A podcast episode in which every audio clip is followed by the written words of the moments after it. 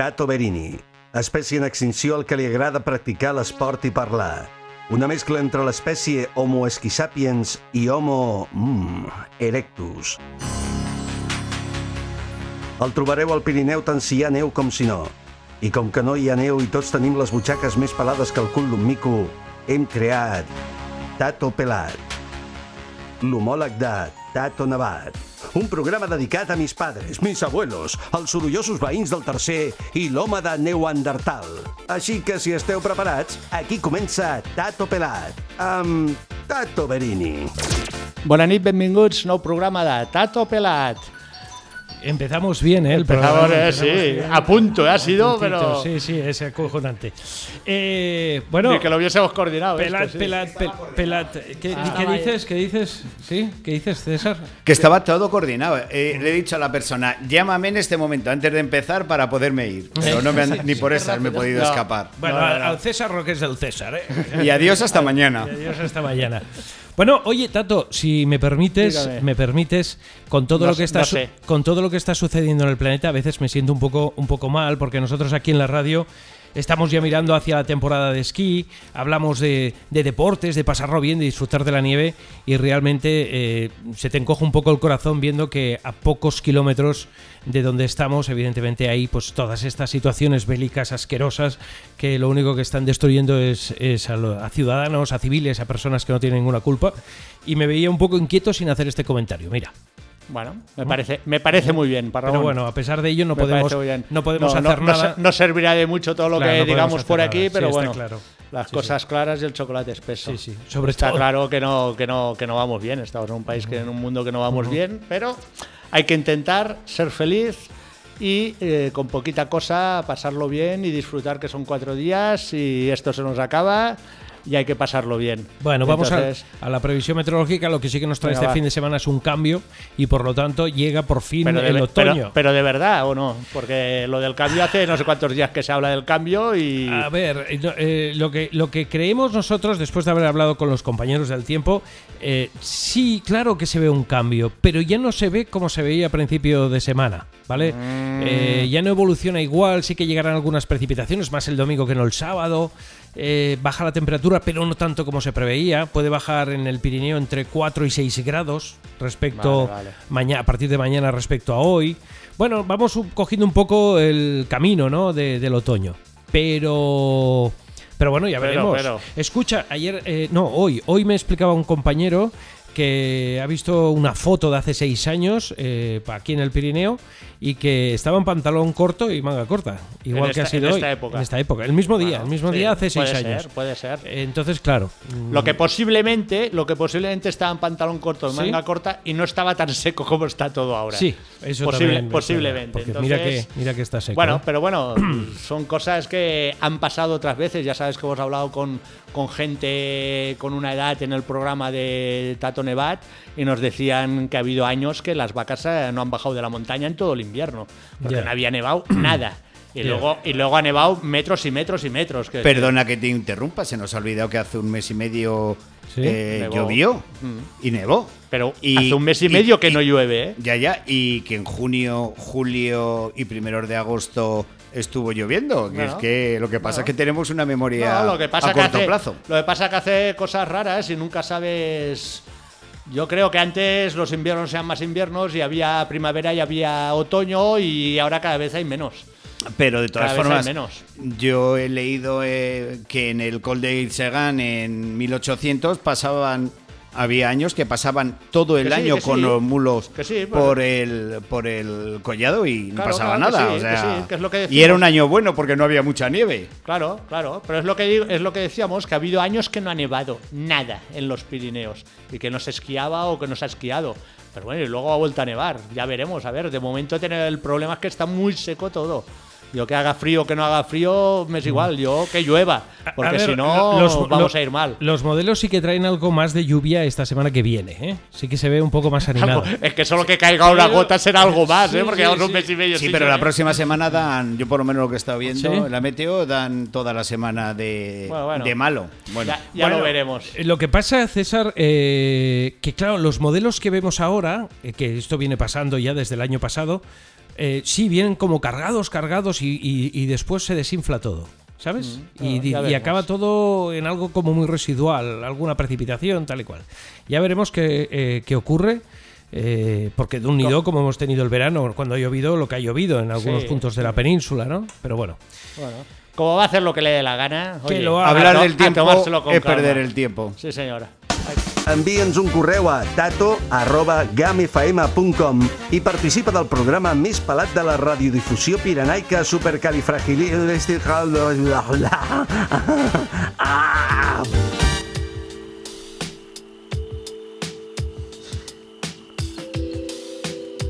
Bé, doncs hem fet una, una entrada sui generis y el amigo César ha hablado y no lo hemos presentado, no hemos presentado a nadie. No hace falta. No hace Es falta. Ah, viene- ya, te, ya te conocen a ti. Cuando sí, viene hombre. César nos desmonta todo. Todo, todo, todo, todo, todo. Sí, sí, es Todo, acojonante. todo. A ver si me voy a quedar como Revilla. Correvilla. Que, Chorizo. que- que revoluciona, no. Ah, vale. No, hombre, no, el político. Ah, vale, vale, vale, como has dicho. Que no se calla ni bajo el agua. Bueno, bueno, el Vale, de- me callo. de- del político Revilla al chorizo Revilla no hay mucha diferencia, pero bueno, en fin.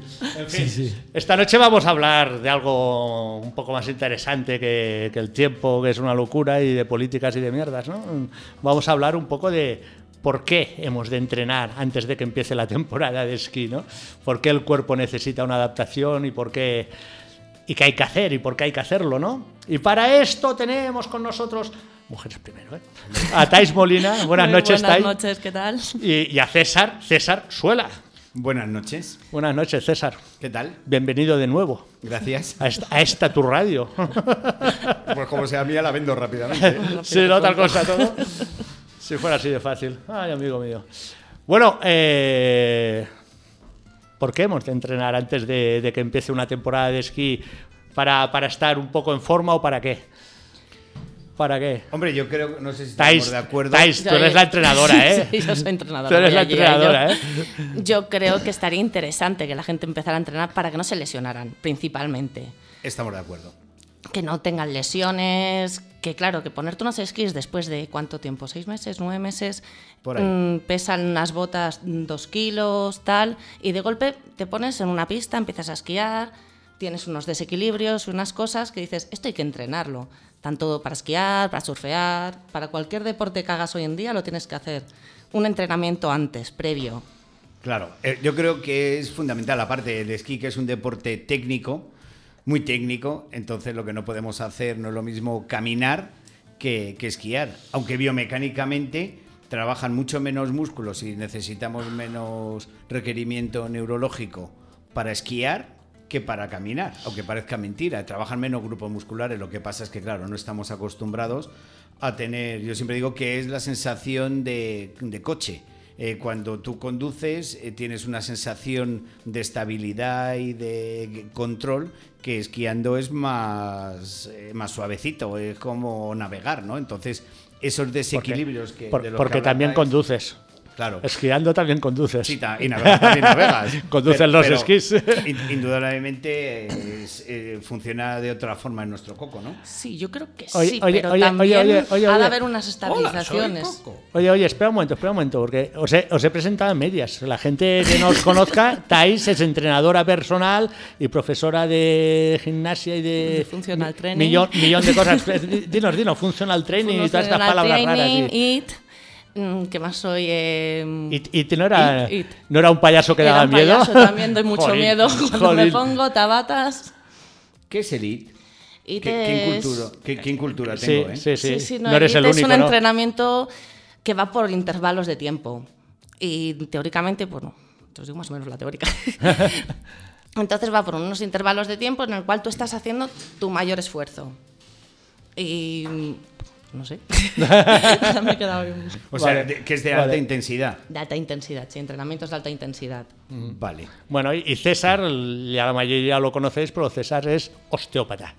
Profesor de esquí, profesor de escalada y tal, multideportista. Guía de alta. Guía de alta. Vamos a ver. Guía de alta, guía de alta. ¿No ves que levito? ¿De, al- de alta, Que no- ¿De alta qué? de alta montaña. Porque no- tú eres no- muy bajito, tío. No, ve- no ves que no toco el suelo? Que, que voy Ah, por vale, vale, vale. Vas flotando, vas flotando. Oye, esto que decías antes, César, eh, Puede ser, a mí me da la sensación, ¿eh? yo soy bastante neófito en todo esto, pero he entrenado toda la vida, pero me han entrenado toda la vida, ¿no?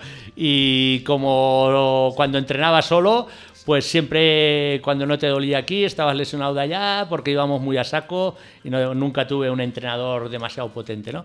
Pero a mí me da la sensación de que, por ejemplo, yo qué sé, vas en bicicleta en verano y te pones a tope, a saco, los cuádriceps, tal, te van a esquiar y tienes agujetas. Porque aunque, aunque sea el mismo, tra- el mismo músculo, no se trabaja igual. Exacto. ¿no? Yo es creo- la historia esta es esta, Thais ¿no? No, no- no lo puede contar mucho mejor. Pues eso es lo que yo quería explicar, que cada músculo funciona de una manera, cada articulación está diseñada para que aguante el cuerpo, tengamos una estabilidad.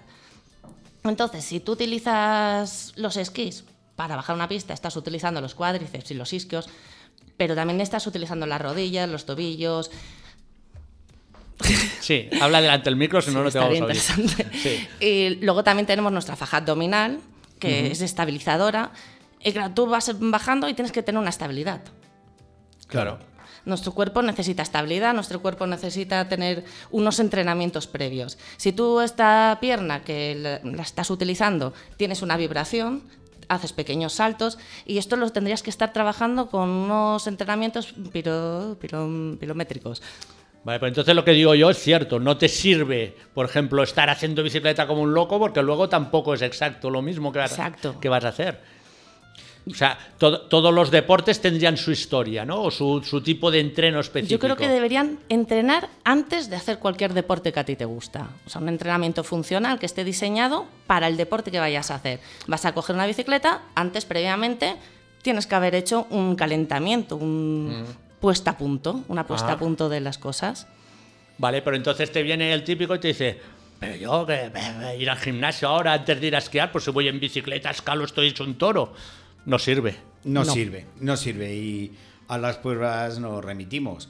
Hay gente que lleva todo. lo- eh, además, has hecho la comparación maravillosa. A mí me pasó hace ya muchos años que me di un poco más por la bici, cosa que ahora no. Y me hice todos los Esto kilómetros del mundo. Llegó la temporada y pillé. El primer día tenía unas agujetas de la muerte, que po- si queréis luego podemos hablar de- del tema de las agujetas. Pero claro, no es lo mismo un deporte cíclico, que es la que como La es la bicicleta. bicicleta, a un deporte de deslizamiento en general como es el esquí. O sea, ahí vamos a estar trabajando.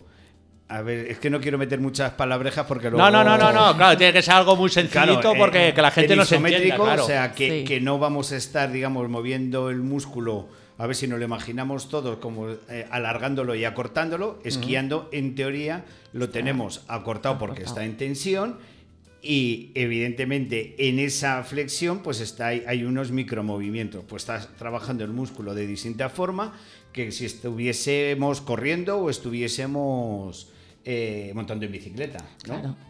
Entonces, pero yo creo que en general el mejor entrenamiento para, para esquiar es esquiar. ¿Qué supone eso? Lo que pasa es que, como cuando se hace, eso no lo contarás tú mucho mejor, cuando se hace un planteamiento a un deportista, primero tienes un- una fase que puede hacer muchos deportes, Sí. ¿no? la acumulación, Sí, sí, luego llegamos a, a una fase que esos deportes se empiezan a quitar y empiezas ya a entrenar un poco más específico y al final ya estás en la última fase que es cuando ya estás entrenando la prueba o el deporte que vayas a, a obtener, ¿no? Pero entonces me estás diciendo que de entrada muchos deportes, o sea, el, el haber hecho, por ejemplo, bicicleta en verano me sirve de algo. Claro, para Sí, recuperar. Sí, sí, sí, hombre, evidentemente no es lo mismo estar en casa tumbado sin hacer nada y luego te pones unos esquís, que hay mucha gente con estos casos, a que hagas un deporte. O sea, previamente tú ya estás, ya tienes el músculo y ya más adaptado. Entonces luego eso es irlo adaptando pues al esquí, a- Al tipo de al deporte tipo de más deporte que tú ¿no? quieras. Vale, vale, vale. Pues entonces, entonces lo, que, lo que está claro que lo que no se puede hacer es no hacer nada. Eso es importante. Hay que- no hay hacer que moverse, nada es lo que malísimo. Pero malísimo no solo para esto, para todo. Para todo, en general. O sea, el estar Para en todo. casa sentado viendo todo el día Netflix, mm, comiendo patatas. El, el sillón, bo- el sillón mal- ball, el sillón ball no es deporte. No, no, no, es, un- No es deporte. Es malo. Ni la play ni cosas así, ¿eh? No, tampoco. El- aquel- aquel, eh, mi, No, no, mi hijo, no, mi hijo tenía la Wii de esquí y hacíamos carreras de esquí y tal. No, no sirve, ¿no? No. ¿Eso no sirve? Hombre, no Al- sé. Algo sí, ¿eh? Algo te movías. Hombre, yo lo he probado y sí, algo Y- sí que y- te y a- movías. Y a, nivel, bueno, a nivel mental, mental, pues a lo mejor estamos preparándonos, porque siempre pensamos en una preparación física solamente, pero la preparación psicológica también es importante, ¿no? Bueno, eso siempre se ha dicho, ¿no? Que en el deporte el coco es muy importante, ¿no? Yo creo Bueno, no que... deja de ser un músculo, ¿no? Claro, exacto. Yo creo que es lo más importante, ¿eh? O sea, si tú no tienes un planteamiento y tú vas a empezar a... ¿Cu- ¿Cómo es la primera curva de la temporada? Todos nos pe- nos preguntamos lo mismo. Cuadrada. La Cuadrada. primera curva es, ¿se me habrá olvidado esquiar? Sí, sí, sí, desde Y luego. no. Sí, sí es la pregunta. Se me habrá olvidado y si me pongo... A ver, y la primera sensación es como, ay, Voy a jar", tantear, voy y a tal, ¿no? tantear. Y ya sobre todo cuando viene gente que no vive en el valle, o sea, gente que viene de fuera y tal, y viene de una vida laboral tranquila, por no llamarlo pasiva, porque queda un poco así. queda más feo, Un- ¿no?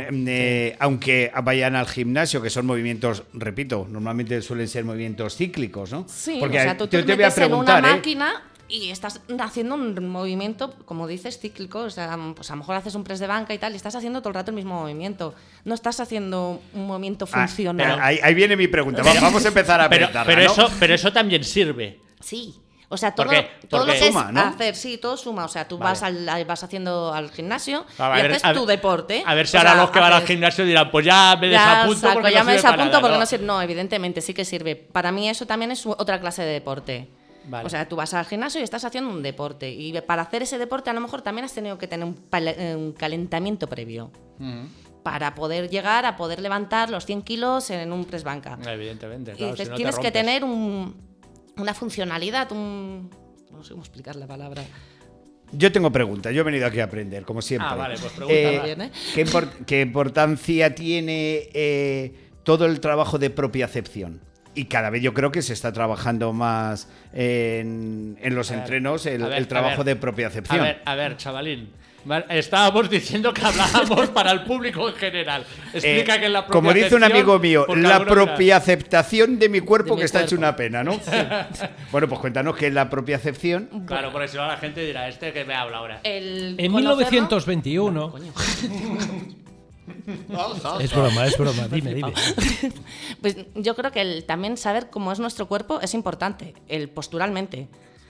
Que muchas veces vamos a esquiar sin saber que a lo mejor tenemos mal la cadera, mal la rodilla, nos ponemos y nos tiramos a lo loco. Tenemos que ser mm, tener conciencia de nuestra percepción, eh, percepción. se me traba la lengua Claro, ya- de ya- nuestro propio cuerpo. Y a veces las tenemos tan jodidas las rodillas que A ya ver, a ver, a damos ver. más la que rodilla cuenta, ¿no? es el cuerpo, la mente, que, y si no estás. 100%, tú te pones a esquiar A y a lo mejor estás pensando en que tengo que comprarme unas chuletas de cordero para comer porque tengo... Y no estás, no estás Claro centrado en, en lo que estás haciendo en tu deporte que en realidad te has venido a practicar. Entonces yo creo que en ese sentido es muy importante ser conscientes de lo que hacemos, cómo lo hacemos y de tener una buena postura y e- ir evolucionando sobre eso. Bueno, pero el postureo ya existe en el esquí.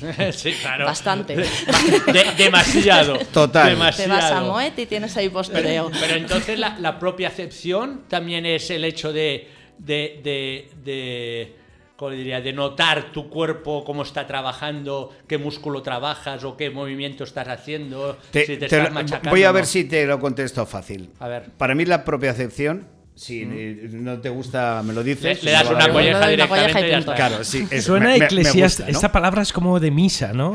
Propia, propia aceptación, no, propia acepción. Es la capacidad que tenemos que saber cómo y, y dónde está nuestro cuerpo. Vale. Porque claro, si no tenemos propia acepción podemos estar haciendo el pino o tumbado en el suelo. Sin- sin darte cuenta. Entonces, El tato eh, con la y ahí ya tiene. podemos diferenciar entre mm, postura y posición, que la mayoría, no voy a ser tan malo de preguntaros que cuál es la diferencia. Entre postura y Eh, posición. Entre Vale. postura y posición, os lo cuento yo. Sí. Vale.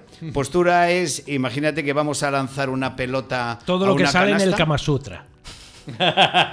Esas son otras posturas. Para Esas son otras. Pero es una postura. Vale, pues imagínate que vamos a Son encestar. muchas posturas. Vale, ya, ¿no? Vale, vale. vale, si vale. queréis, abro yo la caja No, de no, no, no, Pandora. no, no, ah, por eso. No, no, no, es la Taisa culpable. Pues eso, postura. Imagínate que vas a meter la pelota en A el aro. meter, a meter en el aro, Y- claro. Es, es Kama Sutra, tío. Está abriendo. el- la, Parragón, la está, la está Parragón, liando. La está liando. Seriedad, Seriegas, va. Seriegas. Que si no, esto acabará como Rosario de Aurora.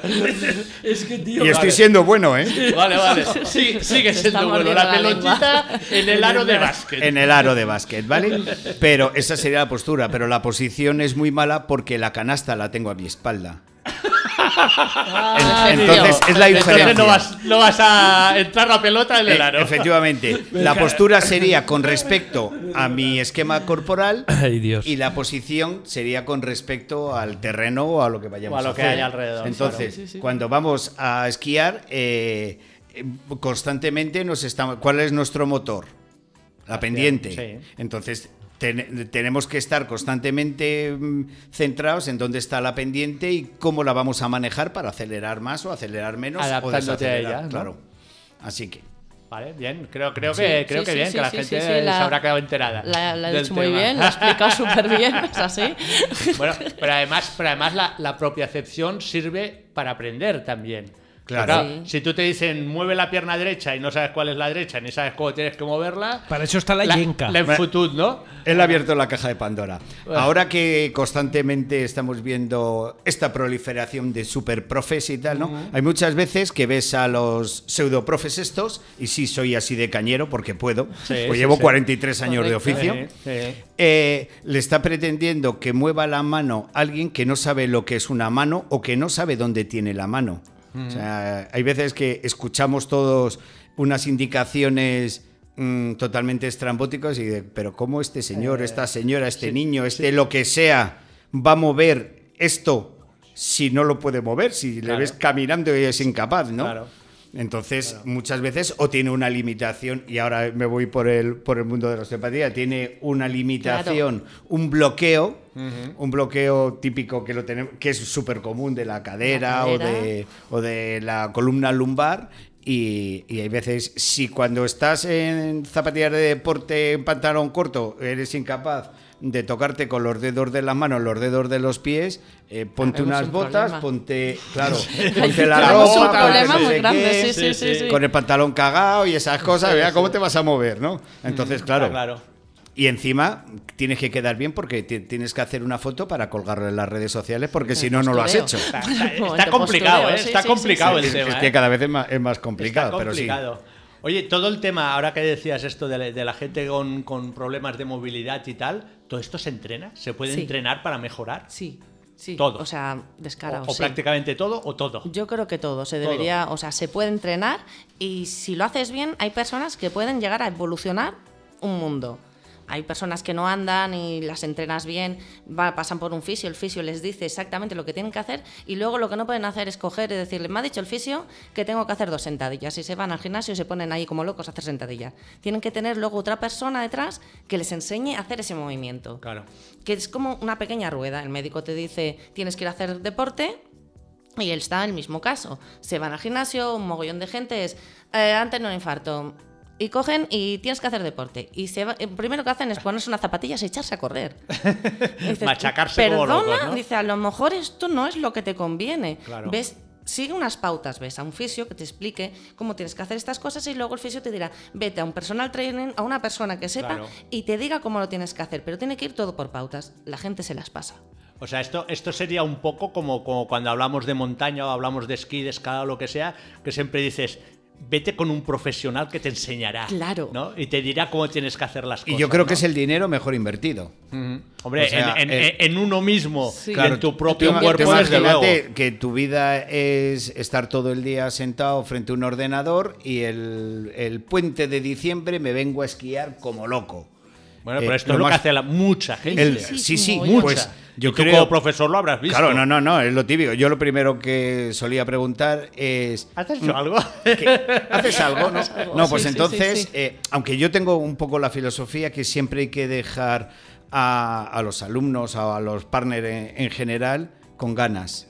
O sea, Sí. eh, más vale llegar al coche si lo llevas a hacer esquí de montaña o freeride o, o una clase de esquí alpino, más vale que digan, "Mm, ya en el coche, a que digan, por fin en el coche. Evidentemente. Porque claro, al día siguiente van a tener unas Tienen que agujetas volver, exacto, que, tienen- que- que- que no van a aguantar porque vienen el puente o vienen las navidades, son cuatro, cinco, seis días Y lo ideal es que si te ha gustado que repitas todos los días. Si el primer día lo das todo, al día siguiente ya, Ya, ya no das empezamos a hacer esas agujetas que, que, bueno, si queréis hablamos un Ahora- poco ahora del hablaremos tema de las de, de agujetas, las agujetas. Yo son mi pregunta, César, es, Que sea fácil, por favor. es facilísima.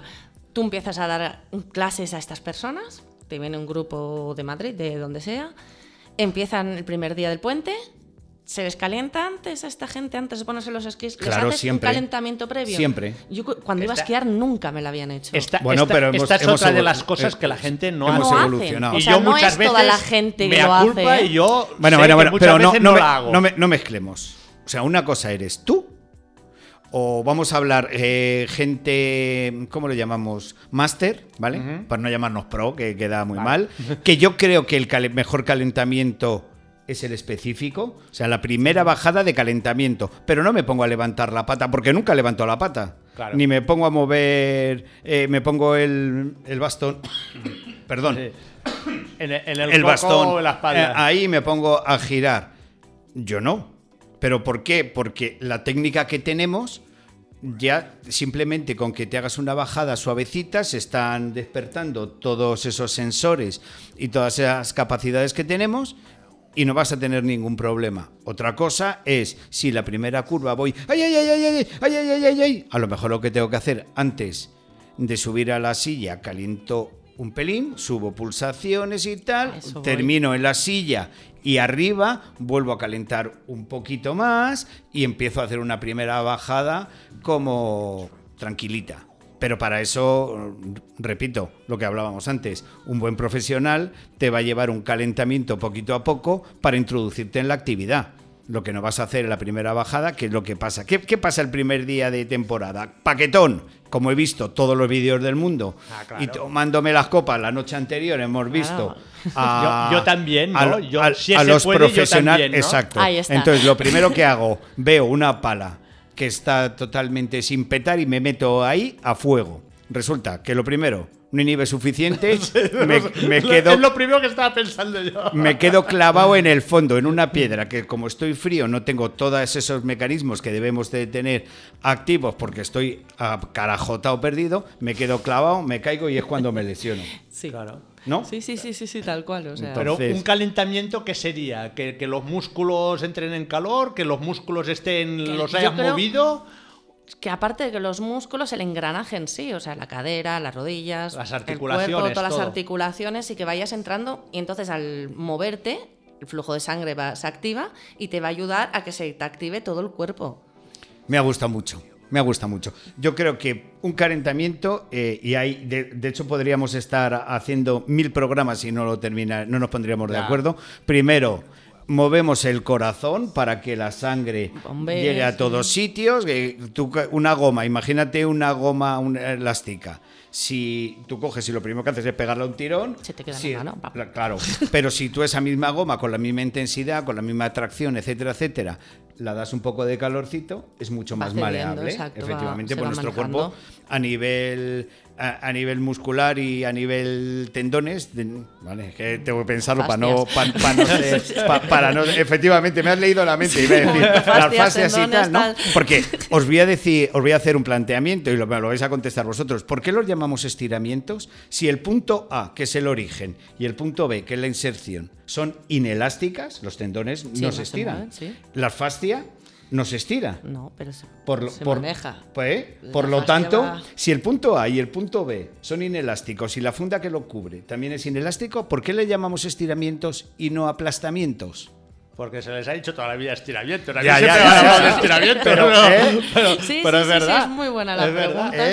sí, claro, claro. vuelta, Es que sí. escalando pasamos muchas horas en las reuniones ahí pensando, Pensando cosas Eh, raras. sí, claro, no vas a estar con el móvil, ¿no? Sí, sí, sí, Entonces sí, hay que sí, pensar. Pero bueno, ahí lo, ahí lo dejo. Pero sí que evidentemente necesitamos que haya un flujo sanguíneo en la zona, precisamente para que todo sea mucho más elástico, como decía Thais. Y más eh, si tenemos ya algún bloqueo articular y tal, ¿no? Pero para eso que vayan a los A osteópatas, los y que osteópatas, a los Claro, fisios, a la gente, el a la bloqueo es profe- lo tuyo, ¿no? Desbloquear es lo e- tuyo. Efectivamente.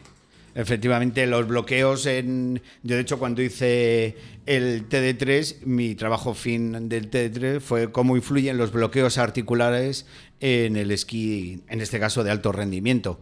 Porque ahí, vamos, hicimos un, un estudio, un pequeñito estudio, que ahora más bien era una pregunta abierta, de cómo influye, pues eso, que tengamos un bloqueo en, en la cadera, iba a decir en el ilíaco, pero me he cortado, que tengamos un, un bloqueo en, en la cadera o en una rodilla, o normalmente suele, suele dar más en, en la columna lumbar o en los ilíacos, y ves que cuando te apoyas en un esquí se queda más retrasado que, que el otro que no está bloqueado. Entonces lo que hay que Claro, hacer pero es eso ir de también vez lo ves en el cuando. gimnasio o gente andando normalmente. Tú ves a las personas y a veces miras y ves, depende cómo va girando la pierna, piensas, tiene esto en la cadera, tiene el, el tobillo o la rodilla con un bloqueo, puede tener un bloqueo en varios sitios. Claro, pues somos Pero- un conjunto. Pues a mí, a mí no me mires a andar, ¿eh? Porque yo entro a los sitios y me dicen, vas cojo. Y digo, ¿ah, sí? No me No había dado lo cuenta. nota, no lo nota. Pero si tú en- en- cuando corrías en baches hubieses tenido una buena preparación física, Sí, muchas de no las la lesiones que Claro, has tenido no, sí, sí, no las seguro, tenido. seguro. Sí, sí, esa seguro. hernia que tiene que me explicaste, Pero es lo que te no decía antes. Nunca tuve un entrenador y claro, ¿qué hacíamos? A saco. Era lo único que sabíamos, ir a saco. Y, Claro. claro, y al final siempre. De lo, de lo entrenar antes. O sea, el, su caso, que saltaba hacia baches y tal, si a él le hubieran enseñado también a, mm, a tener una buena faja abdominal, a tener una buena postura y el saber cómo mm, corregir esas pequeñas vibraciones, a lo mejor no hubiera tenido estas lesiones. Se- Y el haberlo practicado y el haber... Hombre, también el material que llevábamos en Sí, en aquella esa época, no época tiene también, nada, no no tenía nada que Y ver. la, y la mala suerte en caídas también, pero. Efectivamente. pero- no, no, me pero- refiero por eso, pero si pero el- más que las lesiones gordas que he tenido de rodillas, que han sido por caída, por lo que sea, por no saltarte una fijación, porque las llevabas muy apretadas y Pero- tal. pero también, Pero, eh, pero que cada día nos dolía. Yo me acuerdo que estaba con Martí y Rafael, que con quien iba siempre a esquiar, un pato Martí. Sí, y- Otro. Y, siempre, y siempre entrenamos. Y oye, siempre, hostia, me duele aquí. Ay, ahora me duele allá. Ahora tengo una molestia por este lado. Siempre o era una cosa o era otra. Bueno, yo creo que a nivel de alto rendimiento. eh, Bueno, claro, esto el- también el- es otra historia. Claro, el deporte de alto rendimiento mm, no es bueno muy, para la muy salud. sa- muy sano no, hombre, es. sano no. Muy sano Eso no es. yo hace días que lo no sé, es. que sé- Pero es bueno, un no poco hace, ida de no hace falta llegar a esto No para vamos poder a esquiar, llegar. para pasárselo Correcto. bien y poder estar entrenando. Vale, entonces, ¿qué, qué, qué tendríamos que hacer antes de, de- de- de que empezase una temporada de esquí? El- la semana antes digo, uy, que ya llega, me voy, Hostia, ¿no? A lo mejor vas, es como... Ya- ya vas tarde, ¿eh? Eso es lo Claro. que te iba a decir, esto es como la operación mm, bikini. La operación bikini, en eso estaba pensando, ¿no? No, llegas, que- o sea, a lo mejor playa, ahora en noviembre se puede hacer algo. En diciembre ya vas justito, pero nunca está de más. En diciembre justito. Yo creo que estás justito. Lo, ideal que sería acabar la temporada y ya empezar no, poco a poco. puedes ¿o tener tu momento relax y luego, pues poco a poco ir adaptándolo Pues al lo- di- a tu día a día, a tu Pues lo ideal a tu manera de ser que pasado el verano, septiembre, en Sí, octubre. septiembre por allí ya sería un- una buena época para empezar lo que es el tema de esquí y todo. Tener un, es un, un- un trabajo antes. O sea, septiembre, octubre, noviembre, diciembre, dos, tres Sí, meses, sí, dos, tres, tres, meses, antes mínimo. y luego tienes tu momento de descanso. ¿Y qué, y, qué, ¿Y qué cantidad de entreno se tendría que hacer? ¿Una cosa muy intensiva es- o empezar poco a poco? Yo creo que o- es poco a poco, pero también dependerá mucho de la persona que estés trabajando. O sea, a lo mejor tú que ya vienes con una preparación física no te va a costar lo mismo que otra persona que ha dejado los esquís, no los ha vuelto a tocar, no ha vuelto a hacer nada y vuelve a empezar. Mm. Es depende de la persona, cada persona tiene una funcionalidad, una forma de trabajar y de conectarse. Tú esto lo, lo ves diariamente. Claro, no- no es lo mismo alguien que es pasivo que alguien que es activo. Y, y esto- Ah, y y, esto y me gustaría memoria? hacer y me gustaría No, de- de- hacer una apreciación no solamente es físico sino también mental Claro. o sea no es lo mismo que mi buenas cervecitas me cuesta dándote toquecitos en la barriga Qué que dices soy, ¿no? que no como al- algunos que estamos todo el día de joder es que no como- me como esto hoy no me puedo comer esto porque ya voy pasado no o sea también es un poco tu control, ¿no? Indudablemente no es lo mismo alguien que tiene, pues eso, 70 kilos de peso con unos 70 que tiene con la misma altura 100 kilos. O sea, Claro. que tiene que entrenar, sí, pero evidentemente no puede llevar el mismo entreno, ¿no? Por eso decía que cada persona es un mundo. O sea, tú no puedes pretender que una persona haga una sentadilla, todos por igual. En un ejemplo, habrá personas que sí que las pueden hacer, otras que no, y a otras les vas a poder hasta poner un peso a esa sentadilla.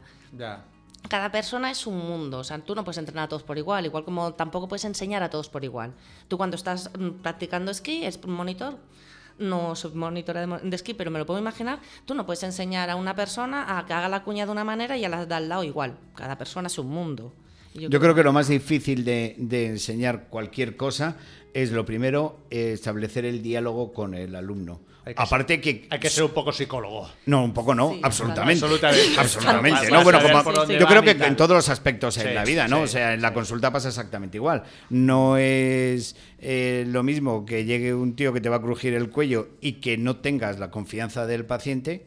Eh, Claro. Que si llegas ahí, entras allá de huello como en los Ya. 80 y ese masajista exboxeador que te metía los dedos y te destrozaba porque no tenía todo lo lo primero. podía, ¿no? ni, ni formación, ni, pero no, no tenía formación, mm, digamos, técnica ni una formación psicológica, ¿no? O sea, es importante, pues eso, cuando tienes que transmitir los tiempos, qué idioma le hablas, no qué idioma me refiero a qué Sí, idioma sí, sí, sí. lingüístico, ¿De no, qué sino, manera le claro, no puedes hablar igual a un niño de 5 años que no hace falta hablarle como si fuese imbécil, que No, es lo que hace mucha gente. No, no, eso es verdad. les hablan. niño. Sí, les, hablan de una sí. manera absurda que dices Claro, que, que es un claro. niño, que tonto no es. Son niños, no, son- es. son Niño sí, tonto no. que, que un chaval joven o un adolescente, que ahora cada vez es más complicado, que a una- un señor o a una señora estupenda, que cada uno te necesitamos que, que te recibir la información de la forma más adecuada. Sí, sí, Claro, sí. pues que cada uno además tendrá una aspiración diferente, ¿no? Bueno, está claro. Eh, pero porque- eso ya porque es- una- yo creo que ya es otro tema. El momento, yo Bueno, creo que a la hora de pero- comunicarte es eso. Pero que intentar- también es otro tema interesante, importante, ¿no? No, no. Porque, claro, Sí, tú sí, no sí, puedes no, claro. decirle a una persona, a una señora de 40 o 50 años que quiere ir de aquí a allá sin caerse y empezarle a enseñar una técnica de esquí como si fuese de Copa del Mundo. Claro, ¿no? efectivamente. Yo hace 30 años que, que, eh, me fui a, a Aspen, a Estados Unidos. El, lo primero que yo llegué siendo, en aquella época no existía el TD3, yo era entrenador nacional, o sea, la máxima Mm, que categoría momento. que había en el momento. Y tuve que hacer un cursillo. Y yo flipé porque hace 30 años los americanos, lo primero que te decía es que lo primero que hay que hacer es establecer los el objetivo con el alumno. Sí. ¿Cuál es tu objetivo? Ese- no, es que mi ¿Qué objetivo pretende, es bajar como sea al Moet. No, como sea, Lo, no. lo hemos visto. Como Sí, sea. Sí, sí, sí, no, como claro, sea. Yo tengo que bajar como de- sea. De, pie, llega la web de pie, que no sea Eh, que- eh, que- Entonces, que- a lo mejor solamente le tienes que enseñar a derrapar y bajar todo. A llamar al pister y que te lleve, sí. ¿no? Entonces, pero establecer el objetivo y el objetivo cada uno es el suyo. Mm. Entonces, a lo mejor en- en la gran mayoría de los casos no tienen claro cuál es su objetivo. No, yo aprender a esquiar, ya. Pero aprender a esquiar para, no, yo para mm, poder seguir a mis hijos, o para seguir a mi marido o a mi mujer, o Mm. para seguir a mis amigos, o para... Exacto, no, sí, no, sí, sí, es- sí, con sí, eso sí. me conformo. Entonces, claro, lo que tienes que hacer a lo mejor en vez de mirar a tu alumno, mirar a su marido, a su mujer, A ver los cómo A ver cómo esquía, a ver cómo esquía para ver saber el para nivel. fijar- Sí, sí, sí, para sí. fijar el objetivo. Claro. Y otra cosa es desarrollarlo, ¿no? El Ah. tú tener herramientas suficientes como para llegar y decir, bueno, pues yo quiero, eh, yo qué sé, bajar el mirador. Entonces, pues, tú, ¿cuánto tiempo tienes? Ah, no, no, todo el tiempo del mundo. Pues puedes hacer una progresión mucho más lenta. No, no, mi tiempo es limitado. He venido una semana, es la primera vez que esquí hoy y mi objetivo es bajar el mirador. Pues entonces tendré que hacer adecuarme, ¿no? Pero ahora con el material que tenemos Ah. todos... Oye, luego hablamos material y todo esto lo hablamos otro día. Luego, Tais, nos dirás, porque hemos de hacer una pausa para publicidad y estas cosas que raras que hace el Parramón y tal. Pero luego nos explicará si todo esto que explica César con el esquí también es lo mismo con el deporte, Sí. como el entreno, Sí, ¿no? sí, sí, sí, sí, sí. Venga, hacemos una pausa. Tato Pelat, un programa pels malalts de muntanya. De la Plana, al Pirineu, Lleida és vida. Connecta't amb la natura, escolta el silenci i descobreix amb la família i els amics els seus tresors naturals. Emociona't amb la gastronomia local i els productes de la terra. Activa't amb els esports d'aventura i inspira't en una terra viva, plena d'activitats amb un ric patrimoni cultural i monumental. Viu el moment. Patronat de Turisme, Diputació de Lleida. Tato Pelat, tots els divendres de 9 a 10 de la nit a GAM FM. I de 8 a 9 del matí, el dissabte, repetim.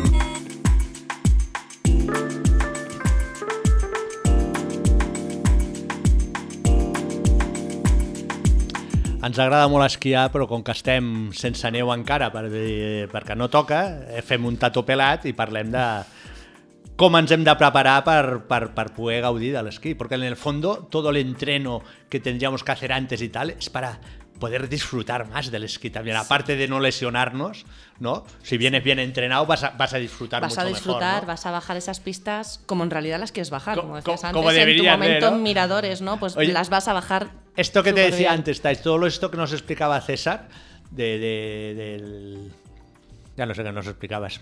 César. Digo tantas tonterías. Sí, sí, sí. No, pero, pero esto del- del- de, los objetivos y todo esto, con el deporte, con el entreno, también funciona así, ¿o En qué? todos, es que yo creo que es una base también de vida. Tú tienes que saber cuál es tu objetivo en tu vida. O sea, igual como lo haces para esquiar, lo tienes que saber para todo. Sí, O pero a veces si no me salen, ¿eh? Si tu objetivo es ir ¿qué? al gimnasio y desarrollar bíceps, tríceps mm, y desarrollarte muscularmente, ya sabes cuál es tu objetivo. Entonces tienes que ir hacia esa función que vas a hacer. Vale. Si tu objetivo es desarrollar piernas, vas a trabajar, no te digo que, deje- eh, que olvides el resto de los músculos, porque hay gente que lo hace. Claro. Es enfocarte a tu objetivo, en realidad. Es que yo creo que es Claro. para todos los deportes. Si es, Es- nadar a tantos metros, segundos y tal, es eh, centrarte en esto. Y cómo ser mejor en este objetivo tuyo. Claro, esto, esto, pero has dicho una cosa que también me, me- me ha venido a la cabeza de mucha gente, ¿no? Yo, yo voy a esquiar, solo hago piernas. Sí. Error. Error, Sí, ¿no? claro, es lo Error. que yo decía. Tienes que prepararte tu core, porque tienes que. El, el core está allí para, para tener una estabilización. Y a lo mejor te pones a hacer un montón de piernas y tal, y dices, ¿y el resto? Tienes un resto de cuerpo, tienes brazos, tienes piernas. Claro, Hay pero- pero es profesores que- que... en un momento dado van a tener que levantar a sus alumnos. Ya, pero, O esqui- los pero esquiando lo que te duele son las piernas. Yo pongo las piernas fuertes y ya está. No, ¿Para qué, para qué quiero los brazos o los... Pero la barriga también. ¿La barriga también? Sí. ¿También Pues haces abdominales esquiando? Mm, Sí, sí, sí, sí, sí. haces- es un músculo De- estabilizador. deberi- deberías de, no, deberías No, de. pero es un músculo estabilizador. El- el- la faja abdominal es eso, un músculo estabilizador. Si tú esto no lo tienes bien, es cuando acabas teniendo una serie de problemas. Tanto en caderas, no sé. Vamos a ver. ¿qué- Igual con los brazos y tal, ¿no? Todo, todo. O sea, es parte de tu cuerpo. El primer día que esquías, ¿dónde tiene las agujetas? En el culo. Normalmente es en los gemelos, Sí.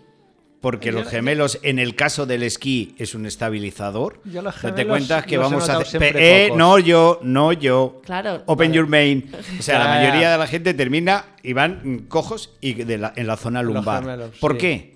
Porque indudablemente la gente, las piernas son los cuádriceps, los gemelos sí, da sí, igual. los gemelos no existen. Sí. Y efectivamente, como estamos haciendo un, mo- un movimiento anteroposterior, ¿qué sucede? Que el gemelo nos está sujetando. De hecho, hay muchísima gente que se rompe fibras en el gemelo a principio de temporada. Y no digamos ya en esquí de montaña, que sabéis dónde se producen las, las lesiones normalmente. Cuando, Cuando llegamos arriba, sudadito, nos ponemos el chubasquero de 600 pavos, el no sé qué, porque ahora hay que Sí, esquí de montaña, claro, claro, o sea, claro. o sea, Hay es como que mega ya guay. también, claro, claro. O sea, con las marcas mm, Está de que moda, tocan, chaval, está ¿vale? de moda.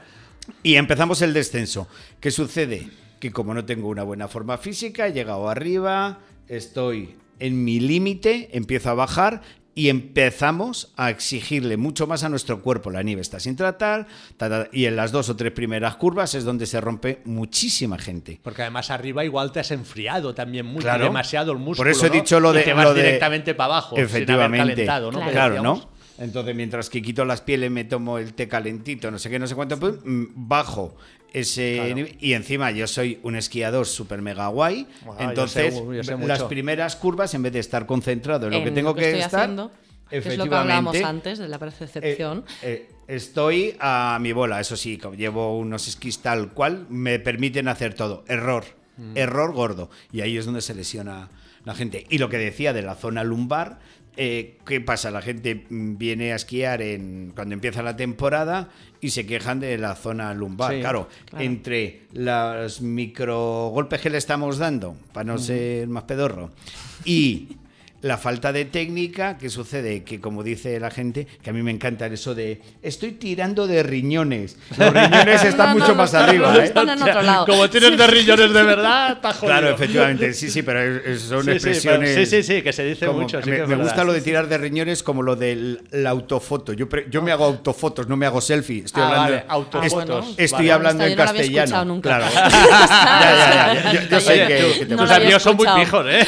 Claro. Se autofotos. No, no, yo, yo, soy, yo soy el que digo lo de las autofotos. Estoy hasta las narices de las tonterías del Selfie, selfie. Bueno, a lo que vamos. Eh, sí, normalmente, eh, estadísticamente, aunque no haya hecho una estadística como tal, son problemas de gemelos y en la zona lumbar es lo que más sufre, por lo tanto, es lo que más Es tenemos lo que que se trabajar. debería si tenemos trabajar, exacto. Un Pero- cinturón, una faja Abdominal, eh, bien. lumbo-pelvifemoral. Dale, Toma ya. dale, esa guay, también te ha cascas. gustado. Vale, ya, vale, ya. La tenemos- por delante por detrás, toda la vuelta, ¿no? La, la tenemos bien trabajada, seguramente nuestra zona lumbar no sufrirá Puede, tanto. puede ser, puede ser que la gente sea las cosas que trabaja menos también, así de entrada. Sí, hay gente que eso, lo que decimos, voy a esquiar y a lo mejor sí que se han tirado el año en el gimnasio haciendo cuádriceps, Cuádriceps. y se han olvidado del resto del cuerpo, que tienes un resto Claro. del cuerpo. Claro. Y es más, si tú tienes el cuádriceps muy fuerte, seguramente vas a tener una percepción, porque sería así una percepción de que estás fuerte y vas a solicitar otros grupos musculares que no están tan trabajados y que están más débiles y por lo tanto te vas a poder lesionar. Que Claro, las lesiones no solamente tienen que ser traumáticas, porque no, parece no. Que, que las lesiones Si no te van a ser nada, no te eh, nada, efectivamente, ¿no? Pero simplemente eh, las agujetas no deja de ser micro, que Micro queríamos hablar de ello, sí. micro roturas fibrilares, ¿no? Que efectivamente Micro. cuando micro, sí. Sí, es un micro. Sí, ya, si son muy bestias ya no son agujetas, ya es que te ha roto la fibra. Yo luego también está el eso de tengo agujetas, lo he hecho bien. Ah, sí, claro. He, tra- he trabajado, ¿no? He trabajado He trabajado un montón. Tengo agujetas, te trabaja un montón. Pero claro, pero lo que decías tú, si, si tienes el cuádriceps muy fuerte y le exiges lo mismo a otros músculos que no has trabajado, es que no estás compensado. Por eso, por eso hay que trabajar todo el cuerpo, ¿no? Sí. Me imagino. Sí, sí, sí, sí, en ese sentido de que si tú no trabajas todo el cuerpo, hay uno que lo tienes como sobrecargado y los otros no. Pasado de vuelta, ¿no? Mm. Y, y- hay, que, hay que estar compensado, ¿no? Me imagino. Sí, sí, sí, sí, ahí Todo el cuerpo todo el por- cuerpo por un Aparte que, eh, venga, vamos a, a hacer un poco de polémica, que, que- que Venga, estoy va. siendo muy bueno hoy. Venga, Aparte va. que, por ejemplo, el gemelo sí tenemos claros todos cómo, tra- cómo lo trabajamos. Pero esta es la pregunta. ¿Cómo trabajamos la zona lumbar? ¿Y el Nos vamos a pelear, ¿eh? ¿Y el diafragma? ¿Cómo trabajas el diafragma? Me- Yo sí sabría contestarte, pero evidentemente el Pero hay diafragma gente como... que no lo trabaja. O sea, trabajar el diafragma también ayuda mogollón a poder estabilizar. Pero la zona lumbar, eh, eh, el cuadrado lumbar no deja de ser un músculo auxiliar, Sí. ¿vale? Entonces, lo que hace la gente en los gimnasios, nosotros los osteópatas, o yo por lo menos, no estoy muy de acuerdo en lo típico, meterte en el banco, coger una pesa de no sé cuánto en el pecho con una barra y levantar, Levantar. ¿no? O sea, Claro, claro. Yo, yo esto cuando hace, hice un cursillo, ahora hace un poco en Valencia, allí había como un poco de discusión, que es lo que tú estás hablando. Que yo lo que quiero contigo. Yo no voy a entrar en temas de discusión, pero es que estaba eso, que él decía que lo importante era que se levantara el pecho, se levantara toda la columna vertebral. Yo sigo pensando que allí había algo que no, que no, que te la vas a romper. Al levantar, Hombre, al bueno, levantar si sí. levantas mucho, la, la columna la estás Sí, forzando. la No, estás no, no, no, forzando, no, pero va- claro, vamos la a- columna no se rompe. También No, pero tenemos un mito de que las columnas, cuidado, mm, gira de esta manera, no hagas esto porque te vas a romper la espalda. No, la columna no se va a romper así tan rápido. Bueno, pero, pero, la Pero, no, no, no, fuerzas. de- no totalmente, pero sí los discos están sufriendo. O sea, lo que está claro es que trabajar el cuadrado lumbar sin lesionar los discos es complicado. O sea, eh, tienes que tener un, un abdominal que al final el abdominal es el transverso, que es el músculo que tenemos debajo del recto anterior, que es lo que le gusta a las chicas de La- los la- chicos. la tableta, ¿no? La tableta de chocolate. Chocolate. Pero ese no vale para nada. Eso es lo que te iba a decir. ¿Ah, no? Mm, Yo, por ejemplo, hace poco he hecho un cursillo de hipopresivos y el profesor es. que a mí me daba Un, clases me un decía cursillo de. Un cursillo de, hipopresivos. ¿De eso qué? es una técnica para respirar, para trabajar la zona lumbar, bueno, la faja abdominal. Y entonces él nos decía que los abdominales son abominables, porque lo que estás haciendo... ¿Cómo lo explico yo ahora? es como un globo, o sea, imagínate, nuestra zona Sí. abdominal es un globo en el cual si tú estás ejerciendo lo doblas, ¿no? Que es cuando haces la abdominal, tú ahí estás ejerciendo una presión que no es lógico que la, la estés haciendo. Vale. Y entonces él lo que nos venía a explicar eso, que las abdominales eran abominables porque no están diseñadas para que las trabajes como si fuera eh, un... Digamos, pero eh, lo que te decía el profesor, que estoy absolutamente de acuerdo con él, es si estás haciendo los típicos abdominales de toda la vida que hemos hecho en el colegio. Claro, Otra cosa son los hipopresivos. De Sí, sí. levantar el cuerpo para adelante. Claro, Es- eso teóricamente Ese es trabaja, ese, tra- ese tipo de ejercicios trabaja el recto anterior, ¿vale? Que son los abdominales, los, los, Los cuadraditos. Los, los Sí. cuadraditos. Los cuadraditos. Pero el importante, que es el de abajo, que es el. Se me ha ido de la cabeza, estaba ya pensando en, en lo siguiente que iba a El- decir. El transverso, El transverso. Vale, el, el transverso va a hacer que nos sujete. Y ese es el problema que tenemos. Que el- Según pared, van pasando un- los años, el transverso pierde tensión. Lo que me vamos metiendo por arriba, que se llega a la También empuja ayuda. y empezamos a desplazar el centro de gravedad hacia adelante. Por lo tanto, cada vez que desplazamos el centro hacia adelante, la curvatura lumbar cada vez es mayor y la presión que hay en los discos en la parte posterior es mayor que en la parte anterior. Por lo tanto, el disco, que todos no lo imaginamos, que es como cuando cortamos una cebolla y la miramos, tiene un núcleo durito, ¿vale? El núcleo pulposo se empieza a desplazar, empieza a romper los arillos los anillitos de colágeno, que es de lo que están constituidos los discos, hasta que llega el disco a, a la última capa, como una cebolla, que es cuando se produce una hernia. Ay, Pero hernias, para nosotros, o por lo menos para mí, el, una hernia no es, digamos, una situación, es un proceso. Sea, si nosotros... No se hace de golpe, vaya. Sí, bueno, hay, traumáticas, sí. sí, Yo, por ejemplo, las mías sí, son traumáticas. pero- pero que pero puede- no. que- que pero la mayoría de los casos, yo diría que, no sé la estadística, pero fácil, un 80%, es un proceso que se va dando. Entonces, si nosotros tenemos todo lo que es la faja abdominal fuerte, incluido la zona lumbar, pues entonces vamos a estar Evitas- evitando evitas este- las, las lesiones. Claro. Vale, entonces volvemos a lo del principio. Hay que ir con un entrenador, porque Claro. si no Claro. estás trabajando Sí, sí, sí, mal sí, y, sí, sí. y puede ser contraproducente. O comprarte una faja. No, no, es- No es lo mismo. No, es- no, no, pero tampoco es bueno. Ya. Yo lo he visto mucho en los gimnasios que lo primero que hacen es ponerse a levantar algún peso, y se ponen faja. directamente una faja. No, perdona, tú ya tienes una faja. Perdona. tu cuerpo es súper inteligente. Ya la Vamos a tienes. ver, ¿a ti. ¿a ti qué te hacemos? ¿Te pintamos la cabeza de roja o te ponemos un casco? Yo tengo una tableta, lo que pasa que con el calor que hace la tengo Se te ha fundido. se le ha fundido. Se le ha fundido la este es de los de mi bueno whisky me cuesta. Sí, Claro, sí, sí, sí, claro, se le ha claro, fundido claro, la tableta. Se me ha fundido. Se le ha fundido. Pues ya te puedes poner a entrenar para esquiar este año porque si no... eso, eso es verdad. Eso es verdad. Claro. Pero podemos hacer entrenos aunque no vayamos a entrenar. Por Es ejemplo, que- Claro, podríamos Claro, entrenar... simplemente para estar bien. Simplemente ahora mismo podríamos es- eh, empezar a entrenar. Sí, o sea, si sí, yo ahora sí, me quito sí. la silla y me quedo ahí En isométrico, un ratito, estoy Empiezas entrenando. trabajando ¿no? y eso es muy bueno para el esquí, los isométricos. Claro. Y si ya me pongo eh, sin silla y de puntillas, pues Estás también sería bueno. sí, O sí, sí, también. Y y encima estás haciendo equilibrio, porque O ir la Claro, mayoría se pondrían de puntillar y ¡pam! Claro, pero eso sería más o menos como un trabajo, eh, un entrenamiento funcional. Claro. Ir a buscar setas eh, ayuda también a También, si A las fortalecer, sí, ¿no? blancas.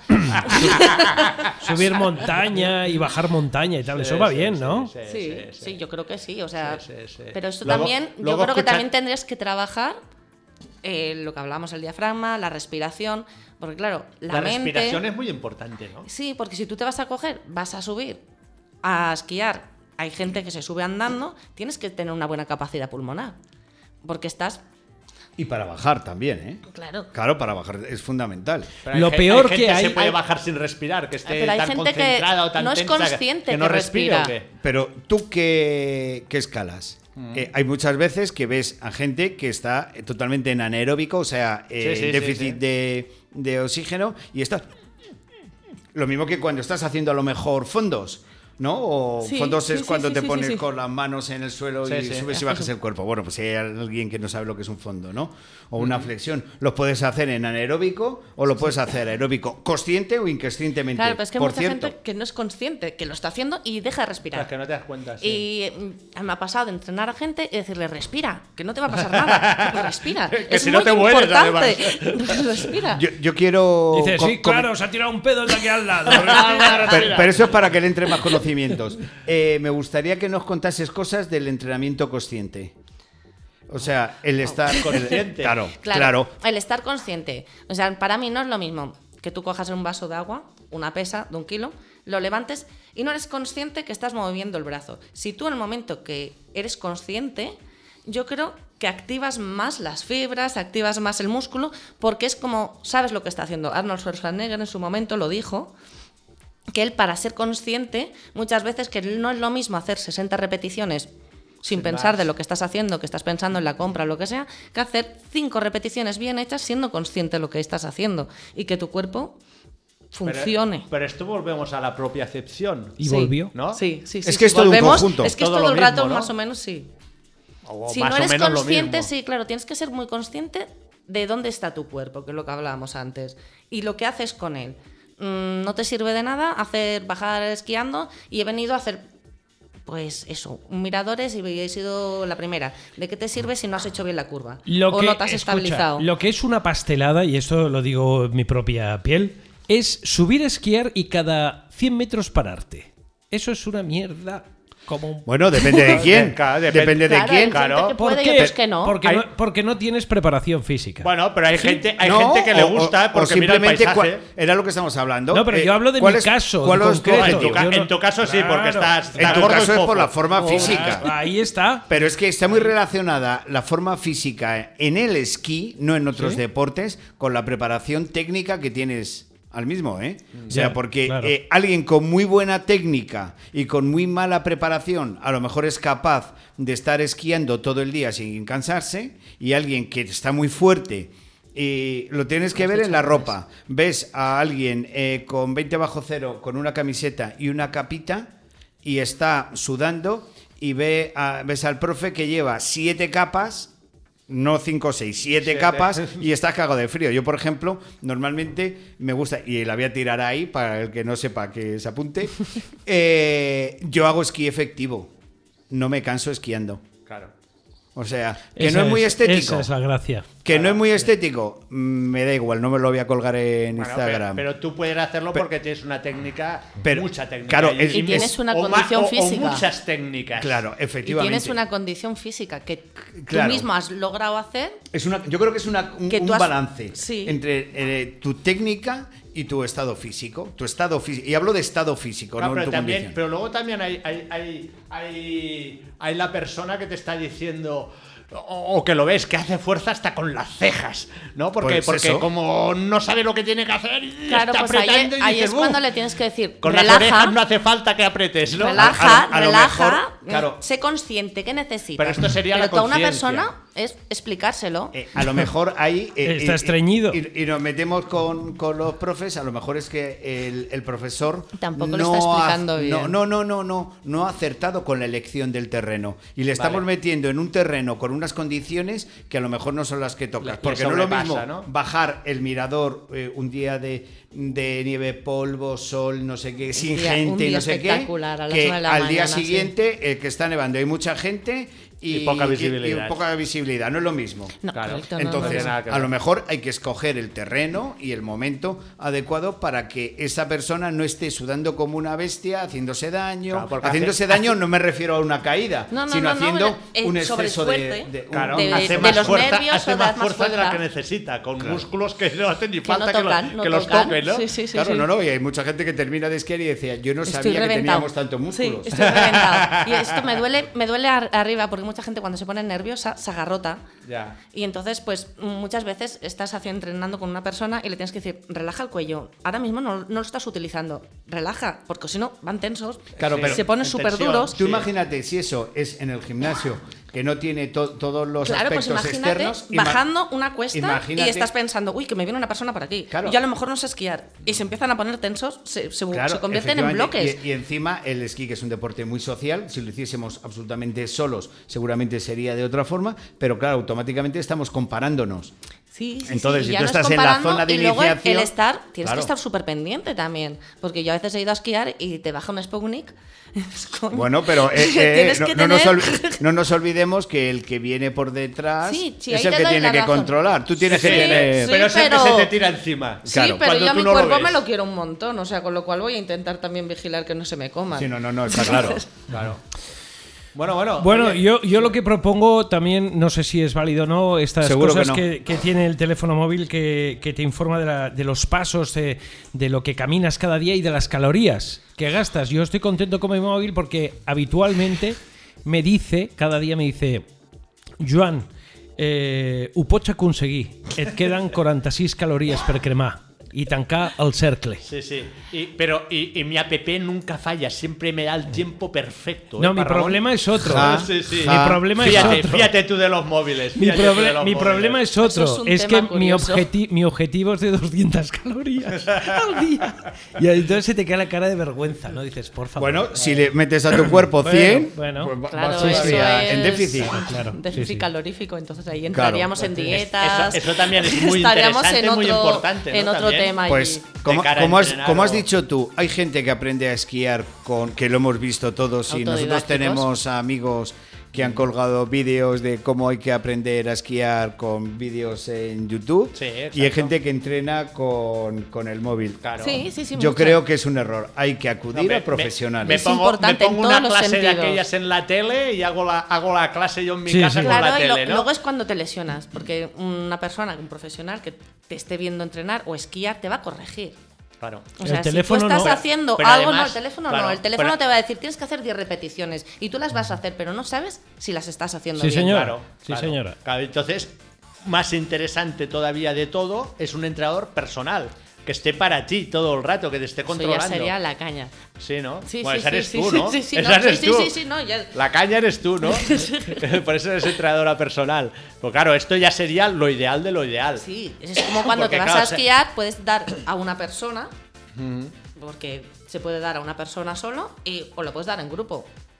A la hora de entrenar, eso que sí, Es que mm, a nosotros a lo mejor económicamente nos va mejor que vengan de uno, no, no, también no te digo que no. A la persona que la estás entrenando, la estás haciéndolo solo a ella y no estás preocupado de que tengas otra persona al lado que no está haciendo bien una cosa, Claro, que también, si- que es si lo que tienes- hablábamos antes. Si quieres invertir en ti, tienes que estar un tiempo Claro, invirtiendo. Claro, claro, porque si tienes el profesor tiene varios alumnos, Claro, llega un no, momento no que los no da. ves a todos, los ojos ya no, no dan para tanto, entonces, claro, lo ideal Bueno, yo creo que tiene su lado positivo y su lado Claro, negativo. Hay digo. gente que necesita tener Más la gente. motivación ya Más ya. gente alrededor. exacto para, para Pero- pero- picarse deportivamente. Sí, Pero volvemos a lo de antes, que el profesor ha de saber, el psicólogo, ¿no? El profesor ha de ser un psicólogo también, ¿no? Un poco.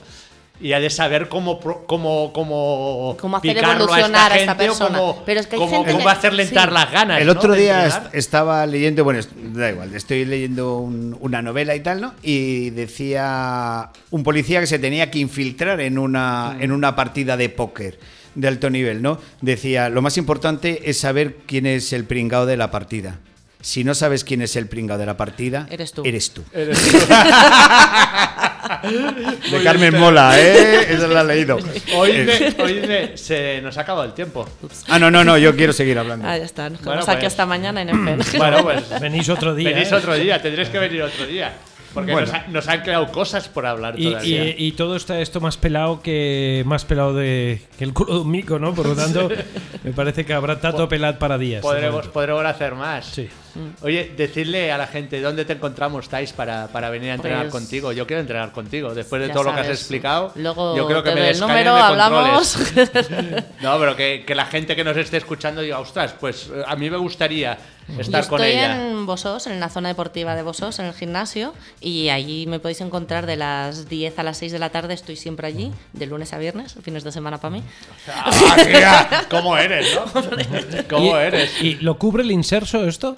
No, no, de momento no. De momento no. Tato, lo tienes Vaya mal. hombre, lástima, lástima. Yo que ya pensaba. Bueno, y ahí, ahí te encontramos, contactamos contigo y, y hablamos, a hablamos ver lo de que se nuestros puede hacer objetivos. o- Del objetivo Correcto. que la persona quiere. Yo ahora estoy intentando hacer un planteamiento de unos entrenamientos pretemporada en el cual quiero empezar a movilidad, flexibilidad, eh, trabajos de fuerza, pirome- pirométricos, Me cuesta esa palabra.